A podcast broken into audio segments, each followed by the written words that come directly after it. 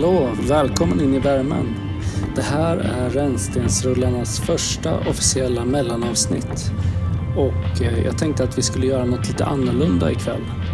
Vi tar en biltur tillsammans mot obestämd destination och lyssnar på bortklippt material från Rännstensrum. Vänta, jag ska bara stänga av det här. Eh, ehm. så. Ehm jo, det jag sa var att vi, vi åker bil tillsammans.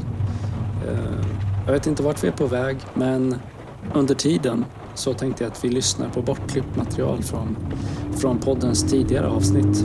Jag har med mig en plastpåse här full med kassettband från våra arkiv med samtal som aldrig tidigare sänts. Eh, ja just det, och jag heter Andreas och är ena halvan av Rännstensrullarna och med mig idag har jag inte Jonathan. För han eh, blir väldigt lätt åksjuk så han fick stanna hemma. Men han kommer vara med igen i nästa avsnitt precis som vanligt. Men jag tänkte bara börja med en sån här introduktion för att ge lite mer kontext till samtalen så att de inte blir eh, mer lösryckta än vad de behöver vara. Eh, det här allra första kassettbandet som jag ska spela upp nu det eh, innehåller ett samtal från någon gång i våras tror jag, förra året alltså 2023. Det var precis när Jonathan hade avslutat sin dåvarande anställning och inlett en långsemester som skulle sträcka sig ända fram till sommaren då han skulle påbörja sitt, sitt nya jobb då, eller hoppa på sitt sommarjobb. Ehm, vänta, jag ska bara plocka upp rätt kassett här. Så ska vi se.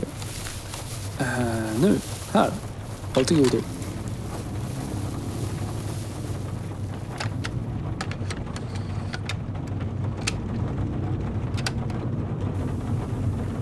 Ja, hur är läget? Det är, det är ju kanon. Fan, jag har ju semester. Ja. Jag spelar dator du- hela dagarna. Har du haft semester i ett par veckor nu eller? Nej, nej. Jag, alltså, jag, jag slutade ju jobba, när var det? Eh, 20. Men därefter så var det dels att jag åkte hem med snabbis för pappa fyllde år och så har det varit folk här och så vidare. Så man kan säga att sen, sen i måndags så har jag varit eh, helt ledig och inte haft något för mig. Liksom. Och hemma.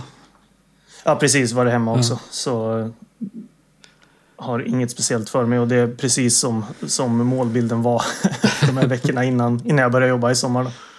Men eh, hur... eh, eh, vad har du gjort då? Vad spelar du för något? Dels så, jag flyger flygsimulator som vanligt. Det, det, det är typ det enda jag tänker på, att flyga flygplan. Men eh, det, jag har börjat spela dels lite Dino Crisis men också lite fightingspel. Okej. Jag har, har köpt på mig, dels så har jag ju några gamla teckenspel hemma Mm. men sen har jag köpt på mig också Virtua Fighter 4 och sådär. Okej. Ja, det var länge sedan jag spelade. Ja, det är ju Playstation 2 all, alltihop liksom. Eh, Det har också varit en sån där grej som jag alltid har känt att jag skulle vilja bli lite bra på men jag har inte liksom stött på det, det är lätt att tänka att det bara är fightingspel som fightingspel men det kan ju inte vara, eh, vara mer fel än så liksom för det är ju Nej. verkligen olika typer av spel. Men, där, men jag har märkt nu med, med Virtua Fighter 4 att det har varit ett av eh, jag har testat ganska många fightingspel men det har känts som att jag har kunnat komma in lite i. Kul. Du vet att Rasmus är eh, eh, stor Street Fighter-fantast. Mm. Han, eh, alltså till, till den grad att han för ett antal år sedan faktiskt anordnade en Street Fighter-turnering med riktiga Ja, okej. gamla- ja, ja, han, han spelar Street Fighter också. Så, ja. Ja, eller gjorde i alla fall Ja. eh, när han var yngre. Jag vet inte hur det är nu, men, men han, han anordnade en Street Fighter-turnering med riktiga såna här gamla arkadmaskiner Mm, mm. eh, för, för ett antal år sedan. Eh, det lät superhärligt när han har beskrivit Ja, det är coolt. Ja. Street Fighter, det, det har jag spelat lite. Det är så jävla svårt. Det är det. ja. Det kändes långsamt och taktiskt på ett sätt som, som jag inte kom överens med. Men Mm. det är ju verkligen en klassiker. Ja, Street Fighter 2 framförallt är väl det som jag har starkast minnen av från barndomen. Mm. Var typ det och sen eh, Mortal Kombat och såklart. Men Street Fighter är ju helt klart det liksom bättre fighting-spelet. Mm. Mortal Kombat levde ju väldigt mycket på eh, den här gimmicken av att ha ja, men, riktiga personer som man har liksom spårat deras rörelser och sen animerat. Och eh, ja, men även såklart att filmen kom eh, ganska snart efter att eh, första spelet har kommit och sådär. framförallt så levde det väl på våldet. Ja, det är såklart. Att det var våldsamt. Det var ju det coolaste som fanns, givetvis. Ja, men som liksom fighting-spelmekanik betraktat så var det väl inget märkvärdigt, de, de tidiga spelen. Men Street Fighter De nya ju... är ju väldigt eh, populära. Ja. Eh, 10 och 11 tror jag är de senaste som har kommit. Och de, alltså Mortal Kombat. Och de är, har varit väldigt populära. Ja, Jag har något av de, av de senaste. men de, ja, de lever väl fortfarande ganska mycket på sin brutalitet. Liksom. Jo, ja, ja absolut. Det, det brukar det, dels det och sen så har de ju också tagit in mycket Alltså från, eh, från filmvärlden framförallt. Att de har tagit in Mm. karaktärer. Att det dels liksom både, både eh, Freddy Krueger och Jason Voorhees Jaha, det visste har ju varit med som karaktärer. Men också Rambo och så vidare har, har varit officiella Mortal Kombat-karaktärer i de senaste spelen. Så det är, det är kul på så sätt. Okej, ja, det har jag Men faktiskt ja, ja ingen de, blir, de blir ju våldsammare och våldsammare. Ja.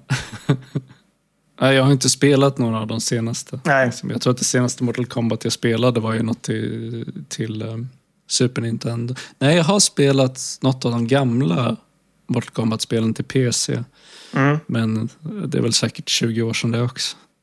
De är, det kan man köpa billigt på GOG tror jag. Det, det kanske Mm. man ska göra. Det är sådana där spel som ofta är på rea tror jag. Typ så Mortal Kombat 1 till 3 för 20 spänn eller någonting. Det är Mm. Kanske värt bara för att, för att prova. Apropå Mortal Kombat så såg eh, vi såg eh, den senaste Mortal Kombat-filmen Mm. på din rekommendation. Alltså jag tyckte Ja, att den var sådär so-so. den hade väl sina eh, stunder men äh, jag vet inte. Ja, sådär tyckte jag. Ja, men det är ju max en 3. Det är ju utan, utan tvekan. Jag, jag blir mer störd på, på de som verkar, verkar ha förväntat sig något, något extraordinärt. Ja, men det är sant. Något, något stort liksom. Stora Ja. skådespelarinsatser, bra manus och skit. Så det, men vad, vad är det för folk liksom? Vad, vad tror man? Ja, nej men det är sant. Jag tror att jag blev väl lite besviken för att jag hoppats på att den skulle vara ännu mera eh, pajig än vad den var. Ja, men det kan jag ju fatta. Speciellt om man har liksom originalfilmen i, i minne. Ja, framförallt så hade jag velat se en riktig Mortal Kombat-turnering. Nu var det ju någon slags förspel inför en kommande turnering som då väl kanske är tänkt att komma i någon uppföljare till den här. Men vad fan, vad är Mortal Kombat utan en kampsportsturnering liksom? Ja, men det, det kan jag fatta och det har jag ju sett att många har, har klagat på. Att eh, de har gjort det där. Jag tror att det är andra filmer som har gjort det där lite fula tricket också. Att man liksom eh, reelar in tittare på ett namn och så, och så hintar man mest bara inför det, det man ändå väntar sig med namnet. Då. Det verkar ju mycket tydligt som att det ska komma en uppföljare och jag hoppas ju att det gör det för det vore ju, jag tyckte nog mycket om den för att jag kommer se en uppföljare också men jag undrar om den gick, gick nog bra. Mm. Ja, det blir ju som att den här filmen bara är en enda lång teaser då. Eh, inför den riktiga Mortal Kombat-filmen. Om man har väntat sig en, en turnering så, så är det absolut så. Men, eh, nej, men jag, tyckte den var, jag tyckte den var kul. Jag gick in med rätt, eh, med rätt liksom förväntningar. Mm. Jag ser ju ganska mycket skräp så jag, jag väntar mig inget annat där heller. Nej, nej men alltså, som sagt, det, eh, jag tyckte inte att den var tillräckligt skräpig. Nej, Jag hade, jag hade velat att den skulle vara ännu skräpigare. Jag tyckte att manuset kändes som att de försökte få in lite för så här allvarliga motiv och inslag eh, för att passa en Mortal Kombat-film. mm. Så varför inte bara göra den till en ganska så här fånig men härlig eh, kampsportsturneringsfilm i en väldigt liksom eh, ja, men så här färgsprakande och eh, överdriven miljö. Mm. Ja, precis. Det, Jag tycker ja, ska man göra det. någonting fantasifullt så då tycker jag man ska gå all in verkligen.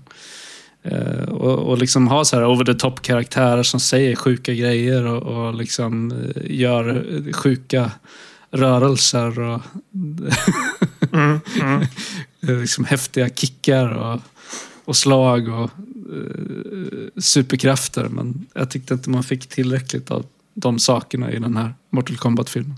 Nej, nej, precis. Det, det är klart att det extravaganta i Mortal Kombat kom inte riktigt fram. Jag, jag hade inte lika stort eh, sug efter just den biten.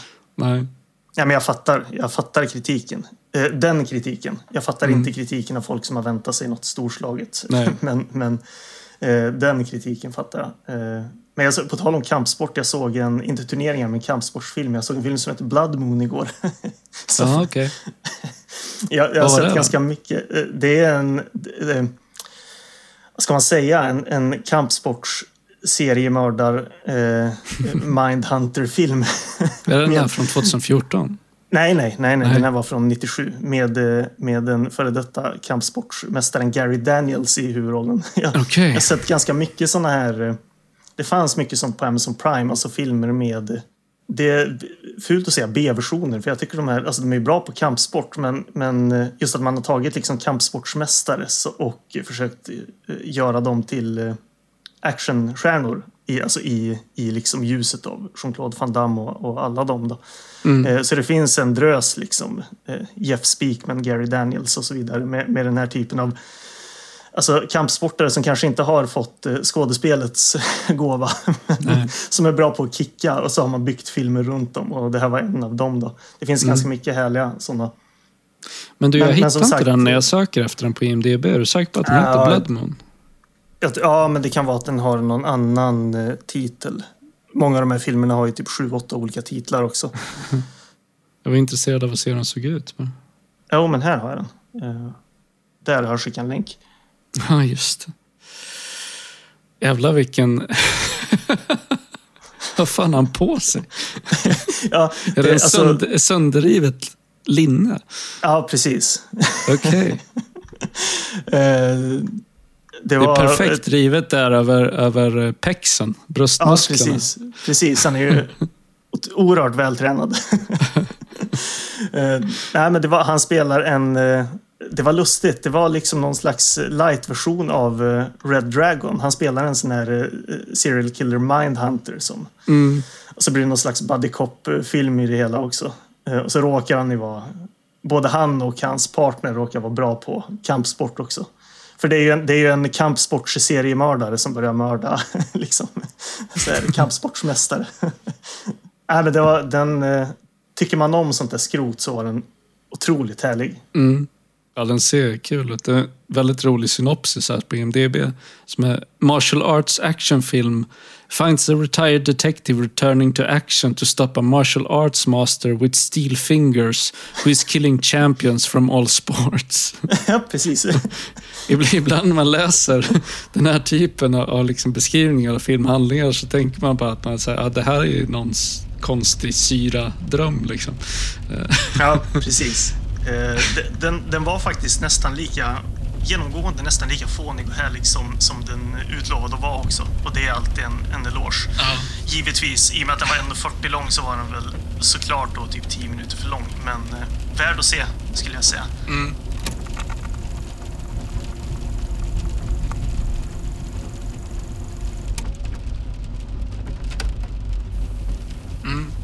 Men det där, fan vi gör lite ett uh, sidospår här tycker jag. Om, om du är med på det. För Mm. jag, jag skulle vilja prata lite grann hur du tänker kring de stjärnor som du delar ut på, på Letterboxd. Eller när du sätter liksom ett, ett sifferbetyg på saker.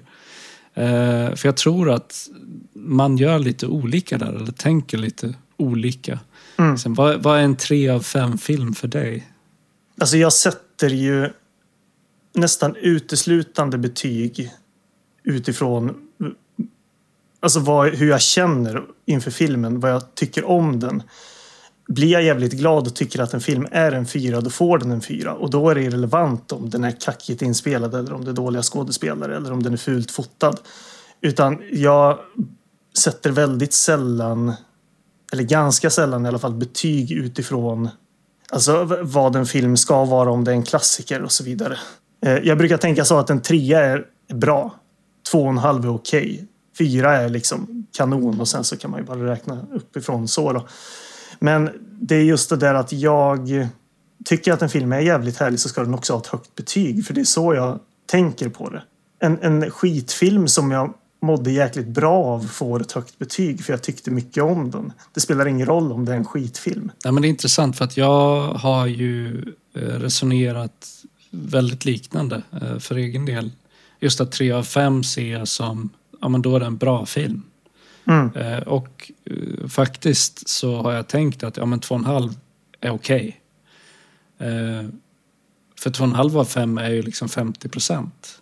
Precis. Men jag vet att, att eh, jag har pratat med andra som tycker att 2,5, ja, men att det, då är det ju en dålig film. Liksom. Men då blir jag så här, fast vad är då en etta liksom? Är, på Ja. Letterboxd är det ju dessutom halva stjärnor man kan dela ut, så egentligen så är det ju eh, 0 till 10. Ja, Eller precis. egentligen 1 till 10, för du kan inte ge, du kan inte ge en film noll stjärnor. Ja, men en trea är ju, det är ju bra liksom. Det är ju motsvarigheten till en sjua. Mm. Och jag menar, det, det är livsfarligt det där när man börjar tänka att ja, men fan, en, en film inte är nia så är den inte värd att se. Det är precis så där som, som folk håller på och gaggar om. Och säger, ja, men vad fan, den har bara fyra på IMDB. Ja, men vem fan bryr sig? alltså, har, det, har det ingen egen agens? Har det inte ögon att titta med? Liksom? Men det är ju pre- precis som i fallet med den här eh, topp vad är det, 250 filmer-listan som finns på IMDB.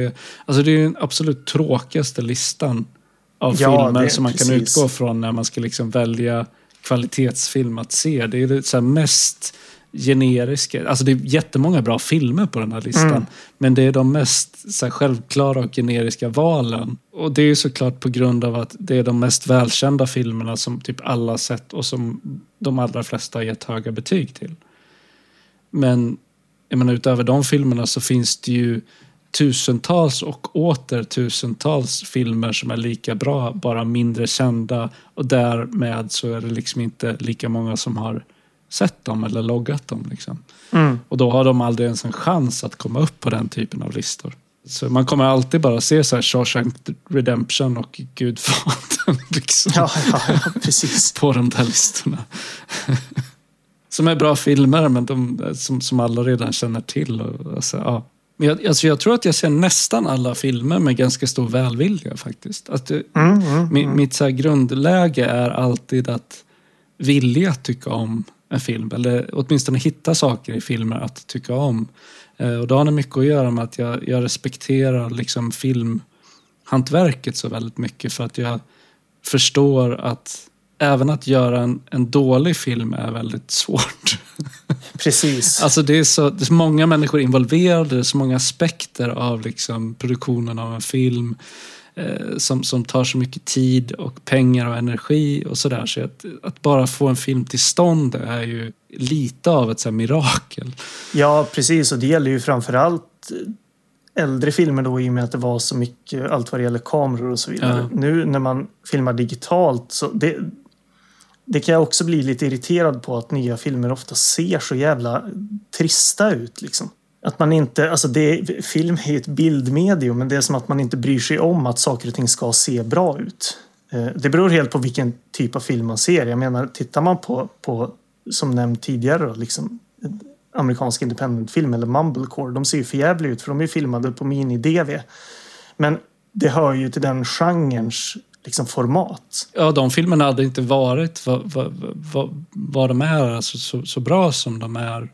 Eh, I alla fall i vissa fallen. Om det inte vore för det. Alltså jag tror att det, det faktiskt hade gjort filmerna sämre om de hade haft en bättre bildkvalitet. Precis. Jag tänker ju på liksom storfilmer som har pengar bakom sig som ändå ser förjävliga ut. Eh, att det, och, ja, nej. Trist. Mm. Trist. Men för de högre betygen, alltså från tre, en tre och uppåt på Letterboxd så har jag sett det som att allting över tre, att det blir liksom svårare att svårare för filmer att uppnå någonting över en trea. Så en tre och en halv är liksom i min bok en eh, väldigt bra film. En fyra är liksom kanon. Mm. Precis som du sa. En fyra och en halva är så nästan fulländat. Och en femma är liksom, ja men då hittar jag ingenting alls som, som jag tycker skulle kunna vara bättre. Utan det, det är bara som jag ser det ett, ett mästerverk. Mm. Eh, och som dessutom är en film som jag tycker väldigt mycket om att se på. Alltså ren underhållningsaspekt.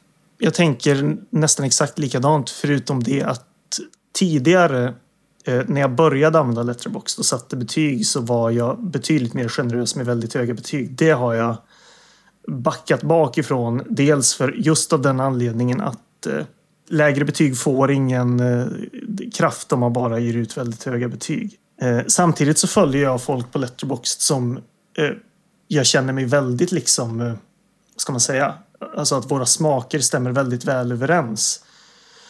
Och de ger i stort sett bara femmor, men de skriver också recensioner till. Och det känns alltid rimligt att filmerna har fått femmor. Så det, det behöver inte vara så svart på vitt att, att om man bara ger höga betyg så, så vattnas de lägre betygen ur. Men jag skulle väl säga att jag för det allra mesta lite, många skulle nog se det som att man har hamnat i den fällan att man för det mesta ger 3 och 3 av 5. Men det beror också på att jag ser väldigt lite film som jag vet att jag inte skulle tycka om. Mm. Liksom jag tittar inte på, på den nya två och en halv timme långa actionfilmen som Netflix har producerat för jag vet att det är skit. Ja. Så jag ser den inte. Så därför ger jag väldigt få betyg under två och en halv. Eh, och det kan man ju se som att ja, man kanske skulle branscha ut lite grann och se, se filmer som man förmodligen kanske skulle tycka om eller inte tycka om. Men eh, jag ser för det mesta filmer som jag har någon slags hum om att jag förmodligen kommer tycka om och det är nog därför också som man fastnar lite i, i den betygsskalan. Det är ju också så att de filmer som man eventuellt skulle ge liksom en etta eller en, en tvåa, de är ju inget kul att titta på. Nej, precis. Alltså det är, de är ju tråkiga bara. Mm. Eh, Det är inga bra filmer. För alltså jag har ju många då inom citationstecken skräpfilmer som inte är på något sätt eh, stor film varken när det kommer till manus eller, eller liksom regi eller foto eller skådisar eller något sånt där. Som ändå får ett högre betyg för att de har någonting som jag tycker om. Mm, Det kan vara liksom en fantasifullhet som jag säger, men fan här är det någon som verkligen har försökt göra något. Sen kanske slutresultatet inte är helt lyckat men det finns någonting här som känns liksom här, härligt och genuint. Eh, och då är det ju ett högre betyg som den får. Men, men en ett eller två, den, det är ju bara trist. Liksom. Alltså det är klart att det händer att jag har gett väldigt låga betyg. Framförallt så, så händer det ofta att eh, tittar man på mycket, ja men så jag har sagt det tidigare, jag ser mycket direkt till videofilm för det finns mycket sånt på nätet. Mm. Och det är klart, det, det har hänt ett antal gånger att det har blivit en och en halv eller i alla fall två år. För det, ibland så, så är de ju inte ens kul. Liksom.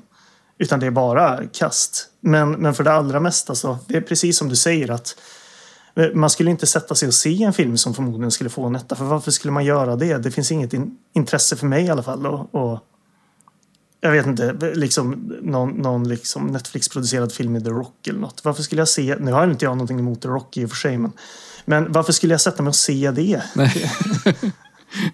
Nej, när det finns så mycket annat kul man kan titta på där sannolikheten är mycket större att man faktiskt kommer hitta något som man tycker om.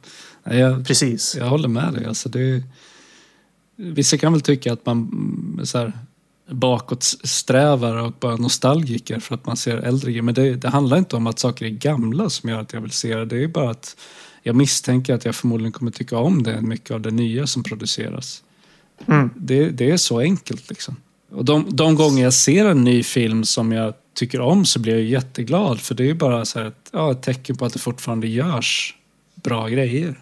Ja, nej, men det är samma för mig. Alltså, det, det händer till och från att det ger mig på något nytt. Framförallt då, om jag, i och med att jag tittar så mycket på, på ja, men framförallt amerikansk independent-film. Mm. Då, då ser jag ju lite ja, nytt och nytt. Filmen är väl tio år gamla kanske, men det är ju bra mycket nyare än en film från 85 om man ska jämföra. Då. Men det är ju fortfarande inom en, en, en eh, spelplan som jag vet att jag tycker väldigt, väldigt mycket om. Så även där då så blir det ju idel liksom höga betyg. Numera ger jag ut egentligen fyra, fyra och en halv och fem ganska sällan. Ja. Senaste tiden har det framförallt varit när jag sett om filmer jag vet att jag tycker väldigt mycket om som jag har gett höga betyg. Sen händer det att, att eh, jag ger ut högre, högre betyg också. Eh, Just med femmor så är det liksom det, det är väldigt sällan att jag ger filmer som är något annat än liksom rena klassiker jag vet att jag älskar eller liksom barndomsfavoriter som är filmer man har sett så mycket så, så det liksom, de är en själv nästan. Mm. Alltså som, jag vet inte vilka exempel man ska ta, men Raiders of the Lost Ark och sådana där. Alltså det är omöjligt för mig att se den typen av film eh, utan att, att det liksom har varit hela min barndom. Det är en solklar femma från mig liksom. Ja. Där fick ni höra oss eh, prata lite om betygskriterier också och hur vi tänker när vi betygsätter de olika filmerna som vi tittar på.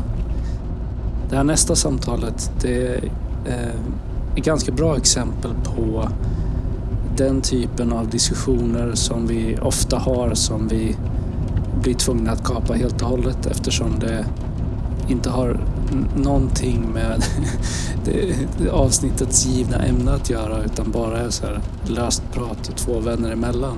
Men det innehåller ändå en hel del filmtips och eh, liksom reflektioner kring saker som jag har tittat på.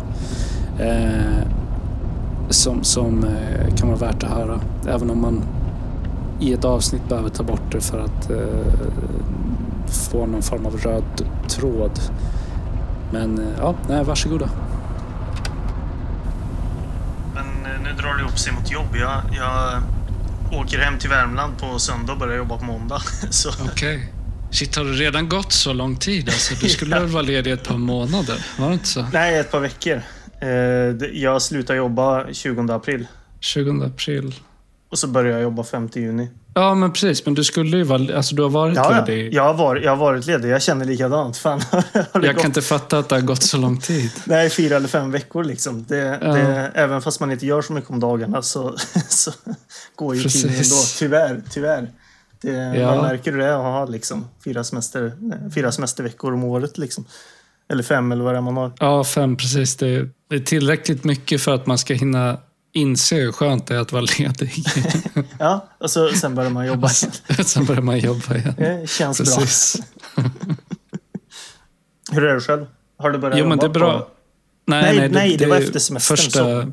ja, första september ska jag börja. Just det, det var så det Eh, var. Och eh, det blir nog så att jag säger upp mig tidigare nu, så jag kommer ha typ en månad obetalt. Mm. Eh, eller ja, vara formellt arbetslös liksom, Mm. i några veckor. Då jag inte har någon lön. Men, och det är helt okej. Men det kommer innebära att jag får sju veckors semester i sommar. Så det känns ju jävligt skönt. Mm. Eh, så från, från och med eh, 17 juli tror jag det så kommer jag vara ledig fram till 1 september. Det är den härligt. längsta ledigheten jag har haft på, jag vet inte hur många år. Liksom. Det, kanske sen gymnasiet eller någonting. Jo, men det, vi har ju gått samma väg i livet på så sätt att vi har varit studenter i typ tio års tid. Precis. Vilket har inneburit att, jag gissar samma för dig, att man har pluggat på terminerna, jobbat på somrarna. Liksom. Ja, så man är aldrig ledig istället. Nej, precis. Så det där med att ha en, en lång oavbruten ledig tid där man inte behöver göra något är liksom skakande. Ja, det är det. Eh, Så det ser jag fram emot. Det ska bli Mm. väldigt skönt. Eh, Annars har jag kollat mycket på film och serier. Mm, Eh, Det vanliga. precis. Vad har, vad har stått ut bland tre av fem? tre av fem. Det träsket liksom. Ja, men det, vi har börjat se om eh, eh, Lewis och Clark faktiskt. Den gamla Okej. Stålmannen-serien. Ja, men som vi har pratat om i något, något skede. Ja, vi har nämnt den. Eh, och den är väldigt bra. Den är, den, den, är, den är precis så härlig som jag kom ihåg att den skulle vara. Ja, men det är härligt. Faktiskt, jag är positivt överraskad att den känns så välskriven och eh, på det stora hela välspelad. Och, ja, men den är väldigt mycket som den gamla sortens serietidning. Mm, Det är ganska mysig och väldigt fantasifulla manus. mm, Den är ju, eh, det, det, det finns ju såklart, såklart en övergripande handling liksom, som framförallt kretsar kring Louis och Clarks relation och eh, ja, Stålmannen, då, hans liv i Metropolis. Men i stort sett så är det fristående avsnitt, vilket Mm. jag verkligen kan sakna i, i dagens tv-klimat. När liksom alla serier som är långkörare som, som man- om man inte har sett liksom, de senaste tre säsongerna så fattar man ingenting av vad som pågår. Eh, och jag saknar de här, eh, det kallades ju för, eh, i X-Files så kallas det för eh, Monst- eh, Monster of the Week avsnitt. mm. Eh, att varje avsnitt blir som en kortfilm. Det, det kan jag verkligen sakna. Alltså. Det känns som att eh, det där fristående avsnitt-grejen verkligen har gått förlorat. Om man eh, bortsett från då typ CSI och sånt där som såklart fortfarande går. Eh, Men att ha den typen av, av serier som, eh, som mer liksom lunkar på, som man tittar på för att hänga med de här karaktärerna snarare än Mm. att följa en övergripande story. Jag har lite grann börjat se om Miami Vice faktiskt. Och det är ju samma sak Ja, där. Att det är också en, en serie man verkligen ser för. I första säsongen så finns det ju lite övergripande story. Eh, Jag såg Mm. nu sist och det är ju ett tvådelat avsnitt, Calderones Return, som är en, en liksom uppföljning på första avsnittet. Då. Men an, annars utö, utöver sådana där små avstickare så är det ju väldigt mycket att eh, det är liksom fristående avsnitt som man mer tittar för the vibes så att säga. Eh, Även fast jag tycker att den serien är väldigt bra och mer kvalitativ än vad många kanske eh, tror när man tänker på Miami Vice som, som serie. Mm. Den har jag aldrig sett i sin helhet. Jag har sett enskilda avsnitt men aldrig hela serien. Eh, Så det, det, jag har faktiskt tänkt att jag ska se den också här Mm. nu ganska snart. Det är väl bästa förutsättningarna för att se den serien i den här årstiden också. Det, det är Ja. oslagbar feeling. Känns väldigt somrig. Mm. Eh, Med alla pastellfärger och Mm. den utspelar sig i Miami. Och... Ja, precis. Annars har jag sett ganska mycket bra film Mm. på sistone faktiskt. Jag såg eh, eh, Papillon med eh, Steve McQueen Mm. för första gången. Den var skitbra. Mm. Jag har ju känt till den innan men jag hade inte så stor koll på ja, men, vilken sorts film det skulle vara. Men det, det, nej, det var kanon alltså. Jag tror att Har du sett jag, den? Nej, aldrig hela. Jag har nog sett ut, liksom, eh, delar ur den på, när den har gått på tv. Eh, Jag, Ja. jag har vissa minnesbilder av den, men, men jag, har- jag har aldrig sett hela. Och har jag gjort det så har jag helt glömt bort det. Det var för länge sedan. Så såg jag en gammal fransk film eh, som heter Diva Mm. Just det. av eh, eh, Jean-Jacques eh, Benix. Jag vet inte hur man uttalar hans efternamn. Men han, han var ju samtida med eh, Luc Besson. Och samma typ av, av film. Jag lärde mig någonting nytt. Att det är film som kallas för Cinema de look. Eller cin- Cinema de look. Alltså, eh, det var myntat av, av eh, någon så här eh, fransk recensent som tyckte att eh, de unga regissörerna av den här eran gjorde filmer som bara var yta och ingen substans. Mm. Mm. Och eh, den här filmen skulle ja, vara, vara en av dem. Ett exempel på det. Då. Den var otroligt snygg och ja, nej men skitbra. Verkligen. Jag tyckte absolut att den har substans. Sen kan ju handlingen emellanåt vara lite svår att följa med i. Liksom. Men, Mm. men eh, alltså man ser den ju framförallt för stämningen och det visuella. Mm.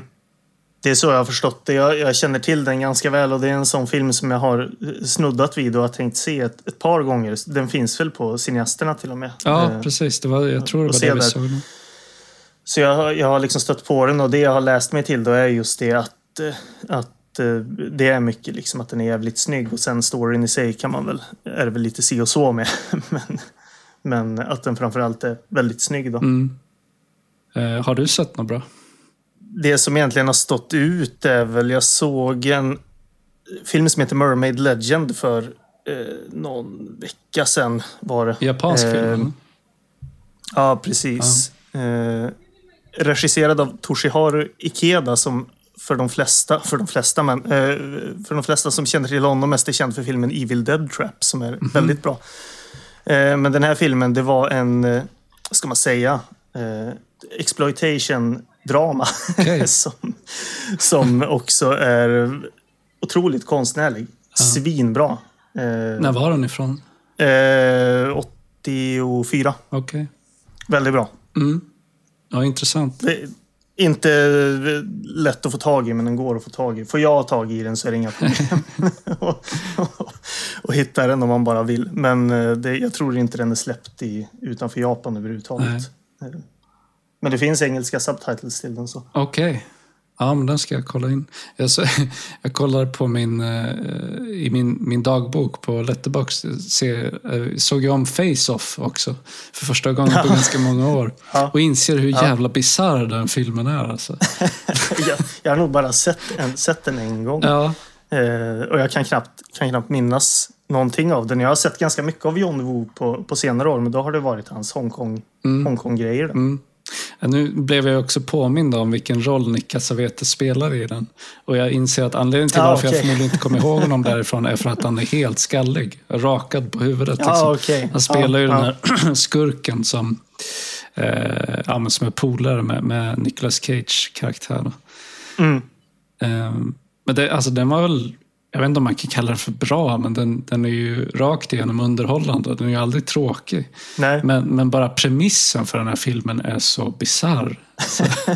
Det, det är kul att den har blivit gjord, att den finns. Ja, ja, men precis. Det känns ju som att, att eh, John Woo fick ganska fria tyglar när han kom till Hollywood och göra lite vad han ville. Liksom. Ja, det får man ju anta. De, prat, de pratade om den i alltså Face-Off då, i intresseklubben Antecknar. Och det var, när jag lyssnade på det avsnittet så var det knappt som att fatta handlingen när de beskrev vad den handlade om. så så det, som du säger, det är kul att den är gjord. Men det är kanske något jag borde se. Eller inte ens se om. Jag kan inte minnas något av den. Det blir nästan som en första titt. Liksom. Jo, men det är svårt att inte tycka om den faktiskt. Mm. Det, den är ju, för vad den är, så är den väldigt rolig, underhållande och liksom snygg. Det är ju John Woo, så det är ju snygg och, och väldigt eh, väl koreograferad action. Mm, precis. Eh, så absolut värd att se. Det var inte allt för länge sedan jag såg eh, Hard Target med eh, Jean-Claude Van Damme som, som vi ska prata om alldeles strax. Eh, den var ganska kul som jag minns det. Mm. Men det, det är även där liksom mycket stil. Men det är ju det man vill ha när man ser en, en John Woo-film. Ja, men exakt. Jag funderar på vilken det är. Eh... Jo, men det är Hardboiled som jag såg för ett tag sedan som jag tyckte var skitbra. Mm. Det är ett, ett typexempel på... Vi, vi sa, eh, det är ju faktiskt ett par skådespelare, eller en skådespelare som är med i Hardboiled, som är med i en av filmerna vi ska prata om sen i Bloodsport. Just Så vi ska ju nämna den sen också, men det är ett typexempel på en sån film. Jag har sett den två gånger. Det är en av mina favoritfilmer. När den är slut och man bara känner fy fan vilken bra film. Liksom. Jo, den är grym. Det, det, det, det där har vi pratat om, just det där att en bra film och en fan vad bra den där filmen var. Liksom. Ja. Det, det är en skillnad på det där. Och Hardboiled är en typisk sån, sån film för mig. Jag minns att jag hade känslan när jag såg den eh, första gången att jag tyckte att den var lite så här seg i början. Eller att den kändes eh, ja, men väldigt biig. Och så, men sen när den verkligen kommer igång på riktigt så blir man så här, shit, fan det här är ju, nu jävlar, nu händer det grejer. Och så bara, åh jävlar, nu... Ja, men precis. det bara så här precis. byggs upp, byggs upp, byggs upp och det blir större och större och större. Och så otroligt spektakulärt där när de slåss inne på, de är på ett sjukhus på, på slutet. Ja, eller? på På BB-avdelningen. B, just det, på ett BB-avdelningen. Helt otroliga scener alltså. Eh, Ja, verkligen. När de, när de rullar på de här liksom, verktygsvagnarna i korridorerna. Liksom. Ja, Det är helt sjukt. Och det är väl så här handhållen kamera där också. Ja. Eh, när man följer dem genom... Ja, det, den är hur bra som helst. Det är kul det där för... Eh, när min bror är här så brukar vi kolla på film bland annat. Och eh, han vill gärna se actionfilm och eh, han är inte så brydd i att det vara så mycket snickesnack. Liksom. och då, då föreslog jag att vi skulle se Hardboiled och det var, att, eh, det var andra gången jag såg den och innan dess så hade det väl säkert gått tre år sedan eller något jag såg den. Mm.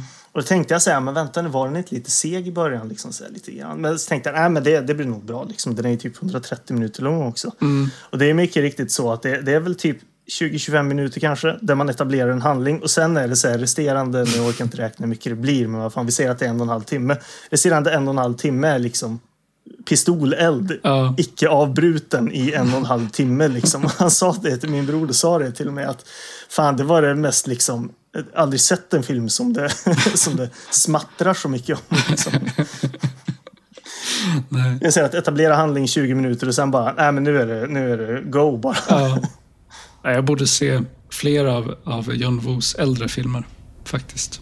Ja, The Killer är jättebra. Mm. Eh, sen så kommer jag inte ihåg vilken av A Better Tomorrow-filmerna det är som slutar med en så jävla bra shootout i, en, i ett hus. Jag tror det är tvåan, men jag kommer inte riktigt ihåg.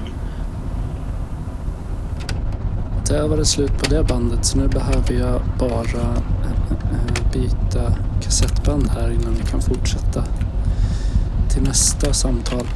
Eh, jag ska passa på att säga att eh, om ni inte har sett filmerna Black Christmas och... Eh, vänta, vilken är det mer vi pratar om?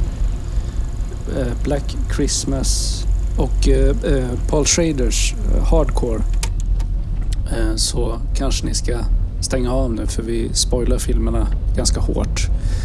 Det är rätt korta klipp, de två som kommer. Men, eh, ja, nej, men som sagt spoilers för Black Christmas och eh, Hardcore.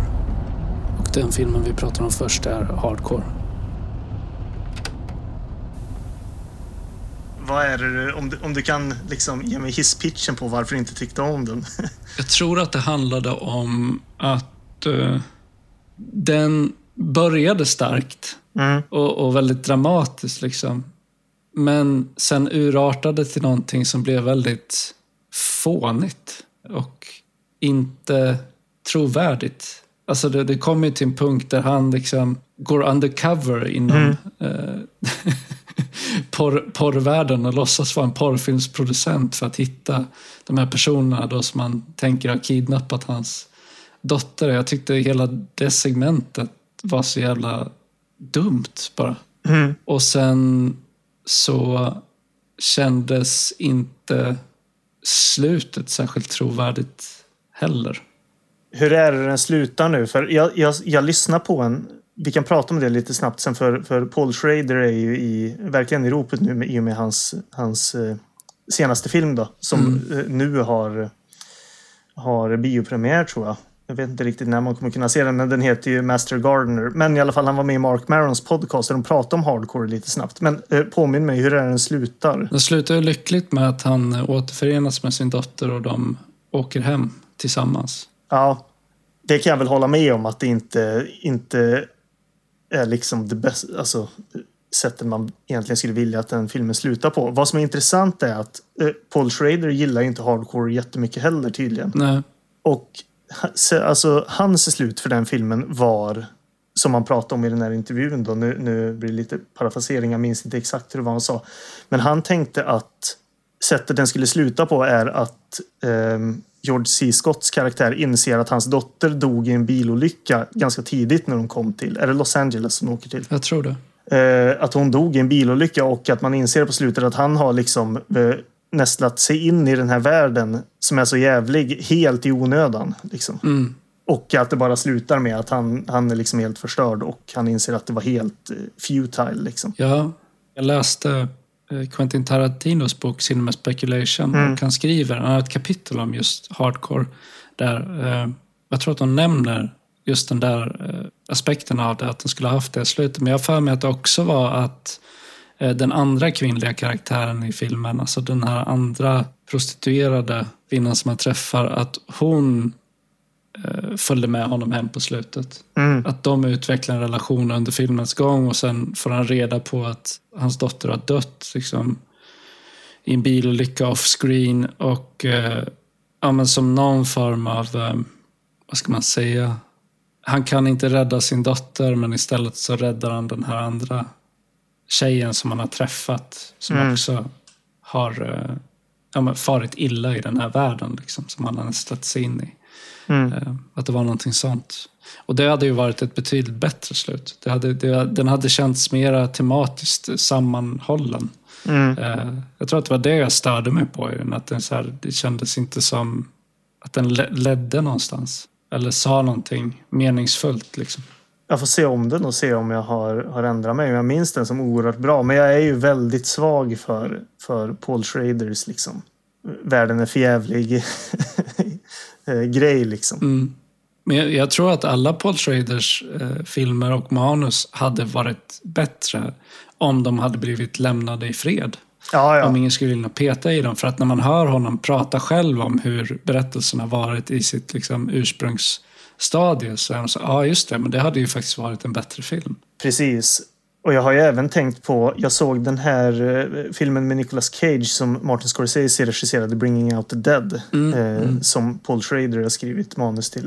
Och det var verkligen så att jag insåg eh, otroligt vad bra, den här, vad bra den här filmen hade varit om det var Paul Schrader som regisserade den. Ja, eh, och inte Scorsese. Jag tror att den hade varit eh, hårdare deprimerande och mer nihilistisk om det var Paul Schrader som Mm. regisserade.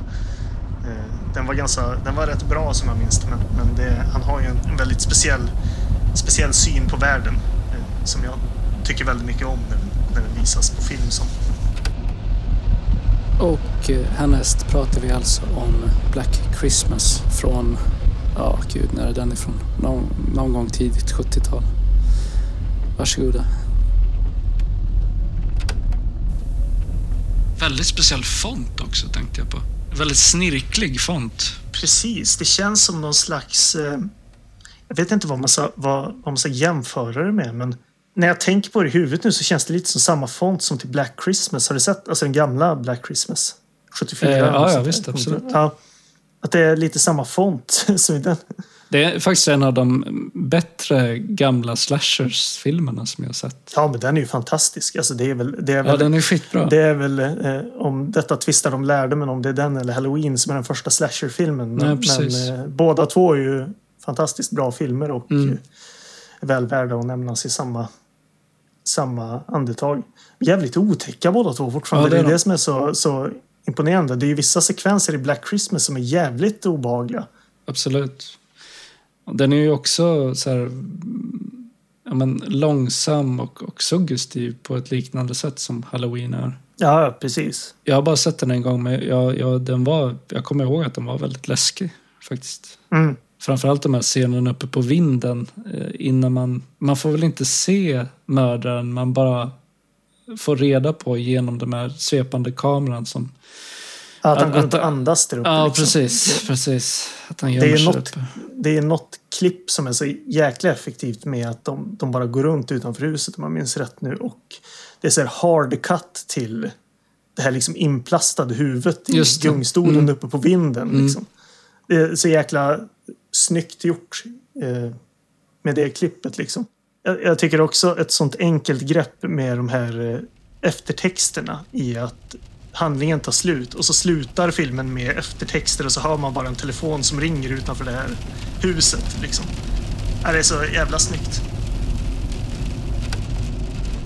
Ja, och det var sista klippet som jag hade att bjuda på idag. Nu har det börjat regna så jäkla mycket här så jag tror faktiskt att jag ska parkera bilen här efter vägkanten och eh, eh, ta bussen hem. Det är ju fördelen med imaginära bilar att eh, man behöver inte vara så rädd om dem. Man kan liksom lämna dem efter eh, vägkanten i sin fantasi och eh, ta den påhittade bussen tillbaka till hemstaden, vad den nu är. Som ni kanske hör så stora delar av det här mellansnacket är improviserat. Men äh, det blir säkert bra. Vi ses, vi ses om eh, två veckor då det blir ett ordinarie filmavsnitt igen. Och Jonathan är tillbaka och styr upp det hela. Ha det bra så länge. Tack för mig.